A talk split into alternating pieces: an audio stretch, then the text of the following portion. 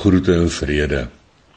My naam is Haie Kronje en ek in die mooiste mooi woon hier aan die Kalahari kant van die land. Hou my trou. Titus 2 vers 11 en 12 en dit is nou as jy dit in die nuwe lewende vertaling sou lees klink. Die liefdevolle goedheid van God wat verlossing bring, het inderdaad vir almal sigbaar geword.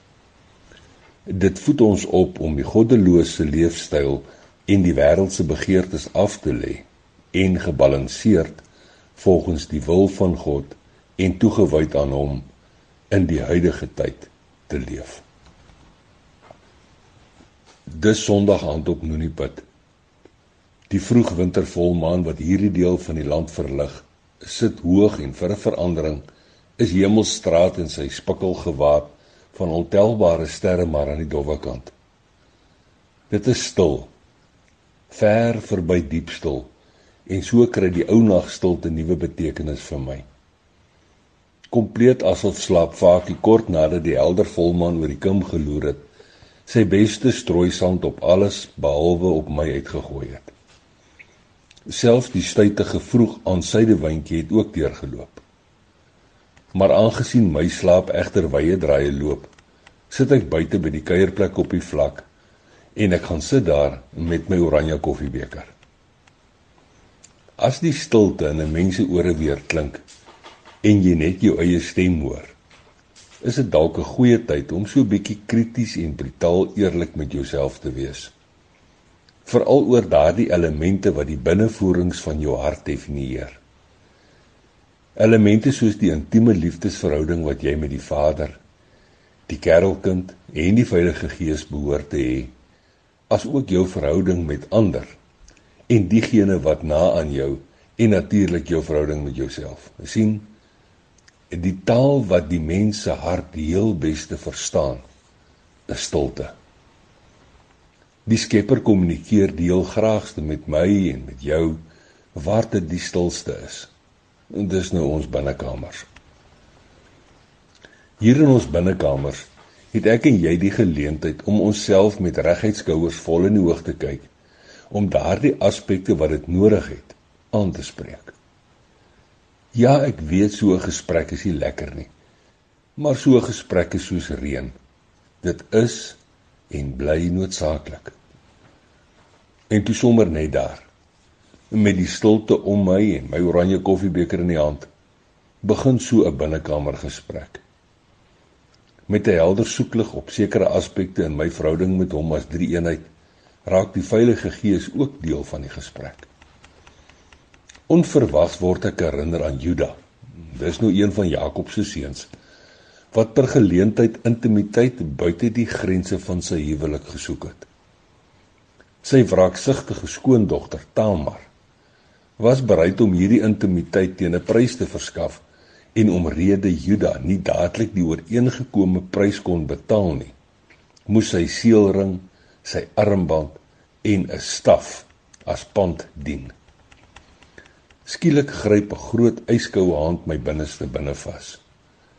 Ek besef dat ek en moontlik ook jy, maar net soos Juda is. Ons soek ook soms intimiteit buite die grense van ons verhouding met hom as drie-enig.